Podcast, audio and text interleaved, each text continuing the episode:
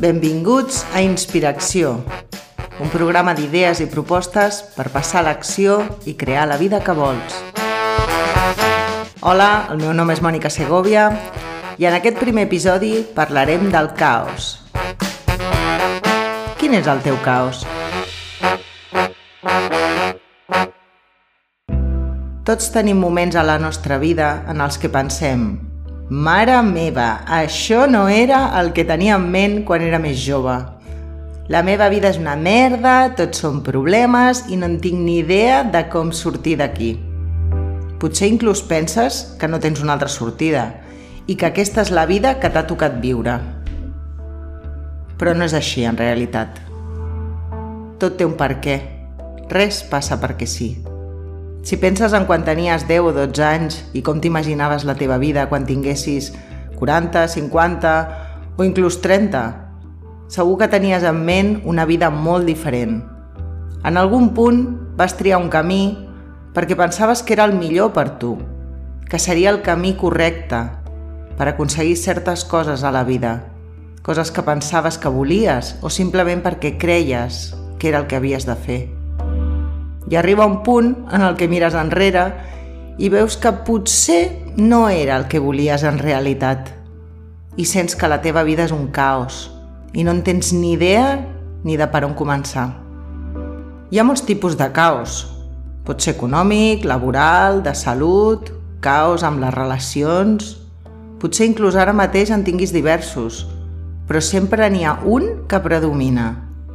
Aquell que no et deixa dormir, aquell que no et permet mirar-te al mirall al matí i dir «Avui serà un gran dia».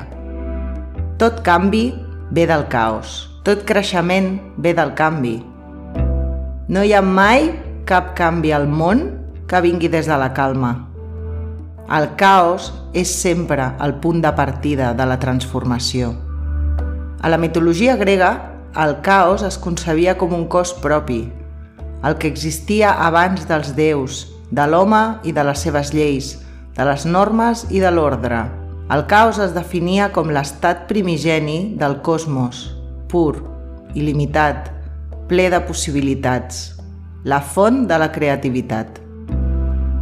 És el punt de partida on totes les possibilitats existeixen.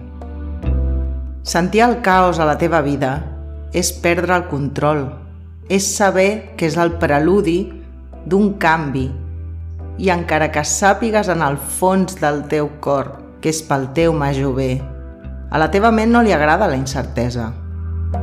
Avui en dia hi ha milers d'estudis que confirmen que la funció principal de la ment, del teu cervell, és la supervivència.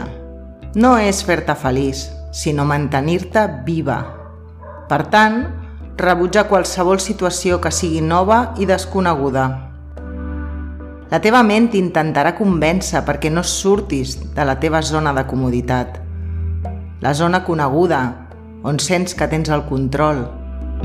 Sentir el caos et fa sentir insegura, t'incomoda. El primer pas que et convido a donar és a acceptar el caos que tens ara mateix i acceptar-lo amb tot el que és, i amb tot l'amor que li puguis donar. Acceptar el caos és el primer pas cap al viatge a l'autoconeixement. Acceptar-lo tal i com és, un punt de partida d'infinites possibilitats. Acceptar la incomoditat és un punt clau i molt important, perquè és des d'aquí, des d'on comences a conèixer parts de tu mateixa de les quals ni tan sols eres conscient. La incomoditat fa treure el millor de tu.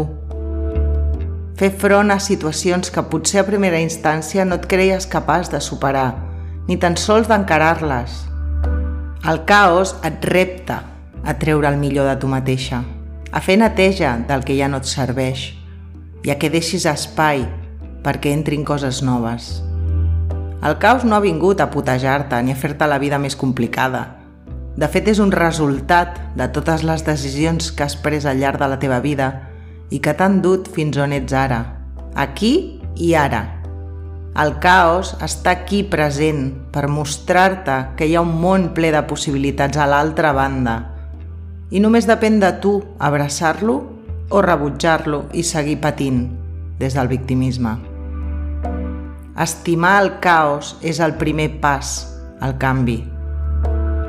Acceptar i abraçar el que tens ara a la teva vida. Sigui el que sigui. Només pots transformar les circumstàncies i situacions des de l'acceptació sincera. No és una lluita de tu contra el que està passant fora el caos el que t'està indicant és que hi ha coses a la teva vida que han de canviar, perquè hi ha coses noves que volen entrar i no tenen espai fins que no facis lloc. La teva ment sempre vol tenir el control. De nou, la seva funció és mantenir-te viva, per tant, no vol res que no sigui conegut i t'intenta convèncer que sap el que és millor per tu. Creus que si segueixes uns passos obtindràs els teus objectius i llavors aconseguiràs sentir-te bé. En definitiva, mai busques una fita material concreta. El que busques és la sensació de satisfacció i plenitud que creus que allò et proporcionarà. Una emoció de serenitat, de pau, de claredat, de plenitud, de felicitat, en definitiva. Tots els caos, en resum, són el mateix, són una crida interna a l'acceptació i a l'amor incondicional cap a tu mateixa. Aquest és el punt de partida per començar a canviar les coses de fora. El canvi sempre va de dins cap a fora, mai a la inversa. L'única persona que podràs canviar és a tu mateixa. Si esperes que el teu entorn canvi per sentir-te bé, mai seràs feliç. Si esperes que la teva parella canvi els teus pares, els teus companys de feina, el teu cap, el govern... Sempre estaràs esperant que sigui d'una manera concreta i sempre viuràs a la mercè dels altres. No tens control sobre el que passa o pot passar, però sobre el que sí que tens control total és com vols que això t'afecti. Quant de temps vols que duri aquesta baralla? Una hora? Tres dies? Quant de temps vols seguir aferrant-te aquest rancor o ràbia pel que va passar? Quant de temps vols seguir vivint amb remordiments de coses que no vas fer bé o inclús coses que no et vas atrevir a fer? Tu ets l'única que pot decidir fins aquí. Ja no vull seguir tenint la vida que he tingut fins ara, ni seguir els mateixos patrons que m'han dut a ser aquí ara. Tu ets l'única que pot decidir canviar la manera de veure les situacions i començar a mirar-les des d'una altra perspectiva. Noves possibilitats s'obriran davant teu quan acceptis el que tens ara i des d'aquí és quan podràs començar a canviar-ho. Quan comences a acceptar el que sents ara mateix, quan li dones llum, quan deixes espai perquè totes aquestes emocions aflorin, la ràbia, l'odi, el ressentiment, el rancor, és quan realment la transformació té lloc. Totes aquestes emocions ja són a dins teu i estan cridant per sortir i per ser transformades. I si segueixes intentant acallar-les amb addiccions o amb estímuls externs per no sentir la incomoditat que et provoquen, només faràs que cada cop cridin més fort. Quan et permets sentir les emocions, mirar-les de front, plorar-les, cridar-les, i acceptar-les amb tot el teu amor perquè formen part de tu, llavors es produeix una alquímia que les transforma i alliberes espai dins teu perquè coses noves entrin a la teva vida. Alliberar espai és un pas fonamental i per això cal fer neteja de tot el que ja no et serveix. És com fer neteja d'un armari. Al principi ho buides tot i momentàniament l'habitació és un caos, amb la roba i les coses escampades per tot arreu. Però és només des d'aquí, des d'on pots realment veure i triar què es queda i què ha de marxar i poder endreçar de nou amb el que realment et fa servei. A l'acabar et sents més lleugera i renovada.